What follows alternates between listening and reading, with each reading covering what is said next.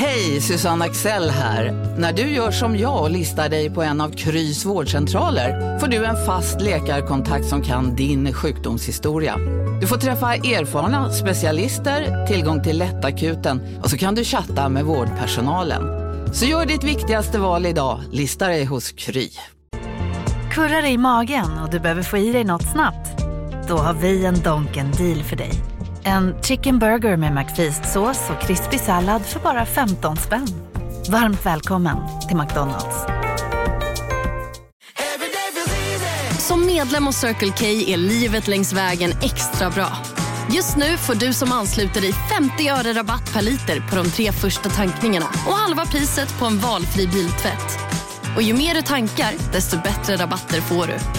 Välkommen till Circle K.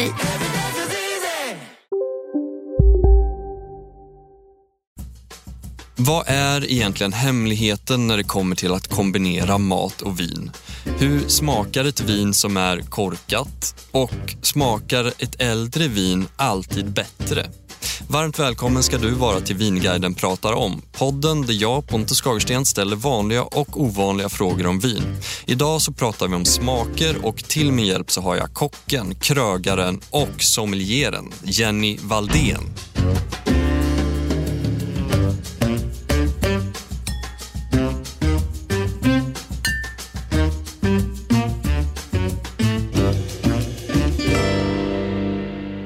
Välkommen. Tack så mycket. Du, jag tänkte på det här. Jag och jag tror många med mig känner sig lätt osäkra när det kommer till att kombinera just mat och vin. Hur ska jag tänka där? Ja, först så ska man ju tänka att man vill ju äta och dricka saker man tycker om. Det är väl kanske det allra viktigaste. Och ofta så tycker man ju om flera olika saker och då kan man hitta någon matchning till. Men sen så är det också så att ibland så är det någonting som man kanske inte tycker om så mycket utan mat som faktiskt gör så att både vinet och maten blir väldigt go mycket godare tillsammans. Så det är svårt att säga hur ska man tänka i rent generella termer. Antingen så kan man ju börja med den här maträtten är jag sugen på att bjuda mina gäster på eller äta i helgen och sen kan man tänka vad passar att dricka till. Men man kan också göra tvärtom om man är väldigt eh, glad i något speciellt vin som man känner den här helgen, då vill jag krocka upp den här flaskan. Eh, så kan man ju utgå också från flaskan för att sen välja eh, vad man ska äta för någonting. Så det går ju båda vägar. Men jag skulle säga så här, eh, man brukar säga så här, ah, vitt vin till fisk och rött vin till kött. Och Eh, det kan ju vara en, en bra eh, liksom, tumregel som man liksom börjar med. Fast inte heller riktigt rätt för ibland så kan det faktiskt funka väldigt, väldigt fint med ett lättare rött vin till en kraftigare fiskrätt. Som till exempel om man gör en eh, torskrygg och sen så har på baconsmul eller om man har eh, lite sidfläsk som smaksättare liksom vid sidan av en bit hälleflundra. Men där det kanske är liksom lite mer kraftiga smaker i själva fiskrätten. Ehm, eller om man till exempel har eh, smörslungade kantareller till en bit lax till exempel. Och då kan det funka bra med ett eh, lite svalare, lite kylt, lite lättare rödvin, till exempel en Pinot Noir. Sen så på andra sidan, om man tänker just på köttsidan, där man brukar säga att oh, kött ska man dricka rött vin till, behöver man inte alls göra. Det finns ju många, till exempel fläskrätter som funkar bättre bättre med en kraftig eh, chardonnay som kanske är, är då fatlagrad som har liksom mycket kropp. Eh, men det kan också vara till exempel om man gör en crispy beef, alltså det vill säga att man gör en asiatisk stil på eh, biff så eh, hör och häpna, kan också funka väldigt bra med ett vitt vin med en Riesling som kanske har eh, hög fruktighet, lite mineralitet men också har en liten, liten uns med fruktsötma som då möter det här lite sötheta som då är i crispy beefen. Så att eh, man måste hela tiden liksom ta hänsyn till vad liksom alla de andra smakerna runt omkring och inte bara själva liksom grundproteinet. Och sen så får man inte glömma allt det vegetariska. För man pratar ju väldigt ofta om fisk eller kött. Men det är ju, vi vill ju också äta mer vegetariskt. Och där tycker jag ju, där har man liksom en helt fri spelplan som är väldigt spännande. Kan man här, testa sig fram bara? Är det enklast eller hur ska jag om vi tar vegetariskt som ett exempel. Mm. Jag tänker så här, om vi har en vegetarisk rätt och så finns det mycket sälta i det. Vad ska jag leta efter i ett vin då för att de ska funka bra tillsammans? Ehm, det beror på vad som är själva grundsmaken i den vegetariska rätten. Jag skulle säga så här, ehm, desto mer kraftiga smaker som det finns i rätten och kanske om man har mycket umami, ost, mycket fett, så kan man ju dra mot kanske mer röda viner. Eh, har man en lätt lättare, krispigare, fräschare grön rätt så kanske man ska dra sig mer mot ett vin som också har då mer den stilen och då blir det oftast ett vitt. Så, och, men jag tycker också att där kan man ha lite mer fritt spel på vad man, vilket vin man är sugen på till. Eh, men rent generellt skulle jag säga, desto liksom mer tyngre eh, smaker i rätten så passar det ofta rätt eh, bättre med eh, tyngre viner till. Och lättare, krispigare, fräscha rätter passar ju också då bättre med lite friska, krispiga vita viner till. Om man sätter en grundregel.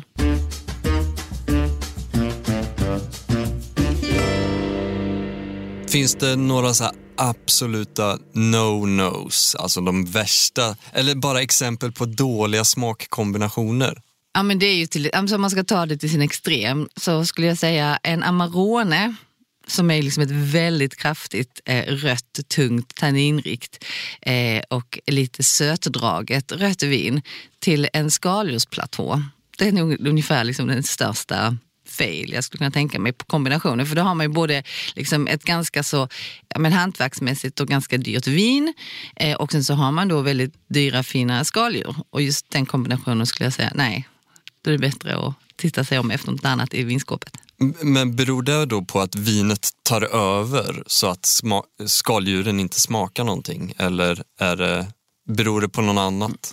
Ja, men både och. För, ja, men det krockar ju också skulle jag säga. Men eh, vinet kör ju totalt över skaldjuren så då kan man ju kanske äta någonting annat till. En ost kanske, bättre till Amarone. Om man nu gillar det. Vilken är din bästa, om vi tittar ditåt istället, då, den bästa kombinationen? Om du, om du tänker en maträtt som du tycker jättemycket om och så tänker du en, en druva eller till det. Har du någon sån favorit? Ja, jo, men alltså, jag har ju en stor förkärlek för eh, Piemonte och har varit där många gånger. Eh, och en av de härligaste sakerna när man är där det är ju att få äta tajarin som är då eh, äggpasta som är typ som tagliatelle. Platt, eh, lång äggpasta eh, som görs då med mycket eh, tryffel toppas med tryffel. Och det och eh, då eh, Barolo, Barbaresco eller Nebbiolo till vilket man nu är sugen på eh, passar ju väldigt fint till. Och alla de tre är ju gjorda på samma druva, det vill säga Nebbiolo, bara att det är från olika områden och distrikt då i, i Piemonte. Nebbiolo kan ju komma från egentligen vad som helst i själva druvan. Är det en bra tumregel skulle du säga? För jag kan tänka så ibland när jag ska kombinera just eh, vin och mat. Och här tog du ett italienskt exempel och eh, en italiensk maträtt med ett italienskt vin. Är det en, en bra minnes... Kan man tänka så? Alltså så här, fransk mat, franskt vin. Italiensk mat, italienskt vin och så vidare.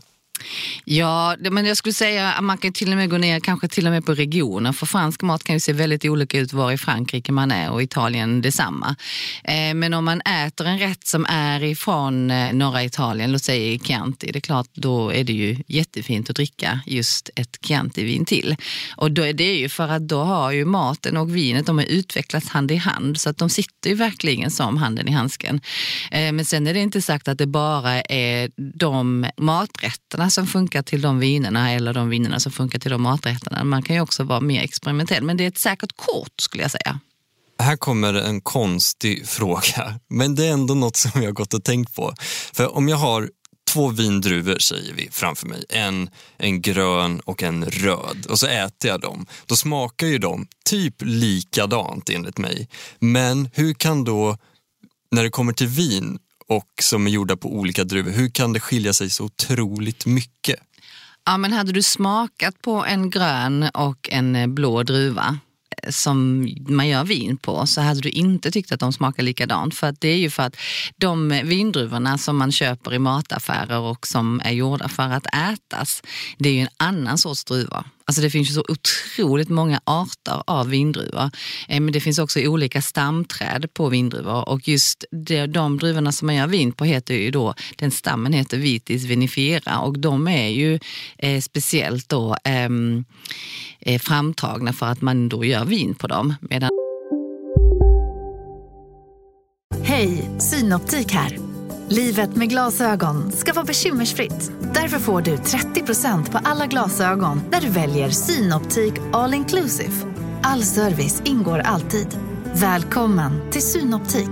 Big Mac har miljarder fans över hela världen. Under mer än 50 år har den skapat popkulturell historia. En legend med 100% nötkött och den mytomspunna såsen. Nu finns Big Mac för bara 39 kronor på McDonalds. Hörni, gänget!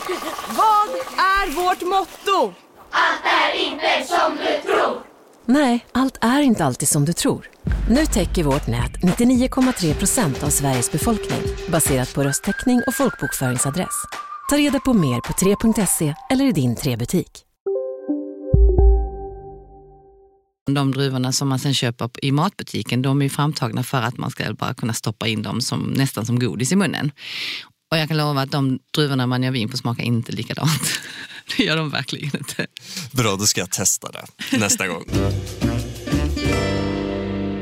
Smakar ett äldre vin per automatik bättre? Nej. Det Varför skulle jag inte? säga ett stort nej på det.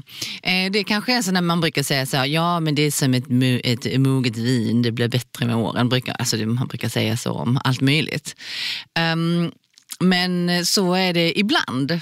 Men eh, ibland inte alls. Det beror ju på vad det är för, för eh, vin, vad det är för producent, vad det är för druva man har gjort det på, vilken vinifieringsmetod man har använt. Men om man säger så här att det finns vissa viner som blir bättre med åren och sen finns det vissa viner som man gärna får dricka så fort som möjligt.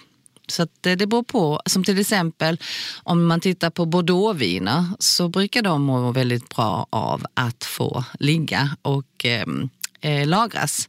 Även eh, Barolos till exempel, men även champagne. Och eh, Om man köper en eh, non-vintage champagne, det vill säga en champagne som inte har en, en årgång, så brukar faktiskt de bli mycket godare om man väntar några år, även om inte det är någon prestigechampagne. Men om man tänker på till exempel, ehm, ja, men om man ska ta ett extremt exempel då, Beaujolais Nouveau, som då är vin som gör samma år och som man dricker i november, samma skördeår då.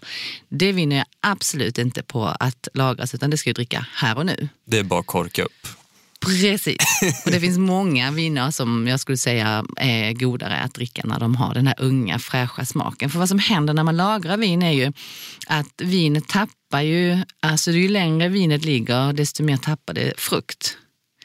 Och sen kommer det fram lite andra mognare, runda smaker.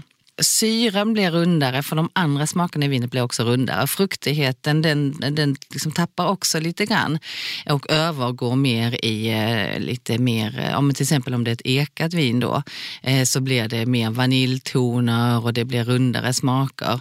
Och det vill man ju de vinerna som är gjorda på druvor på ett sätt som gör så att det är hög strävhet och att det liksom sticker ut lite. De är gjorda för att kunna ligga väldigt länge och de mår ju bra av det. Men sen har du ju viner som mår mycket bättre av att faktiskt bli uppkrockade och drickas direkt.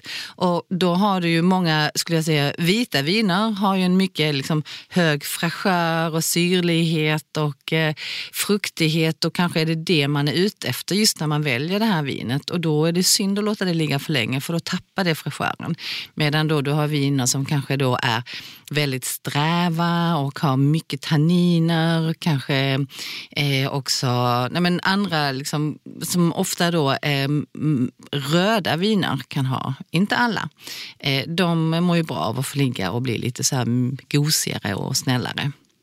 Jag, jag tänker ofta när det pratas eh, om vin och smaker och jag har hört eh, flera uttryck från dig nu under det här samtalet också. Men så här, vin är gjort på druvor men det kommer ofta in så här, ja, men doft av ibland träinslag, jord, citrus, melon, fläder. Alltså så här, vart, kommer alla, vart kommer alla de här smakerna ifrån? Det är ju vindruvor.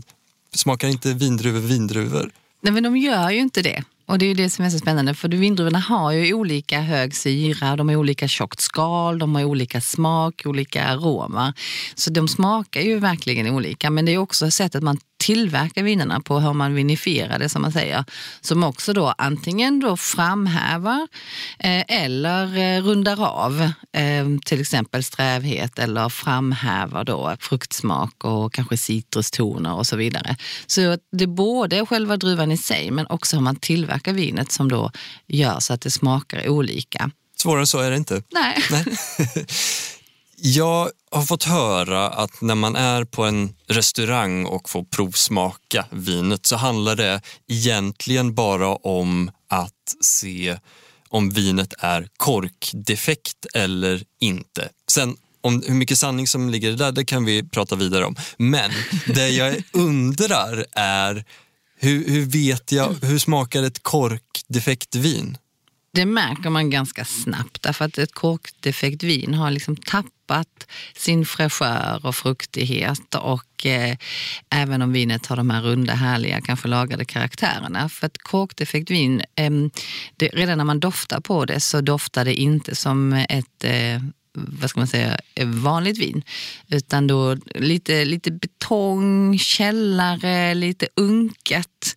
Och eh, då ska man ju be att få byta flaska. Och så det stämmer faktiskt att när man går på en restaurang och beställer en flaska vin så är det inte för att man ska avgöra om huruvida man tycker om den sortens vin man har beställt. Utan det handlar just om att man ska kolla så att det inte är korkdefekt. På en del restauranger så säger man ju till och med så här, vill du att jag ska smaka av vinet åt er eller vill ni göra det själva? Och, det Ah, handlar, okej. och då handlar det om att man kollar just korkdefekten.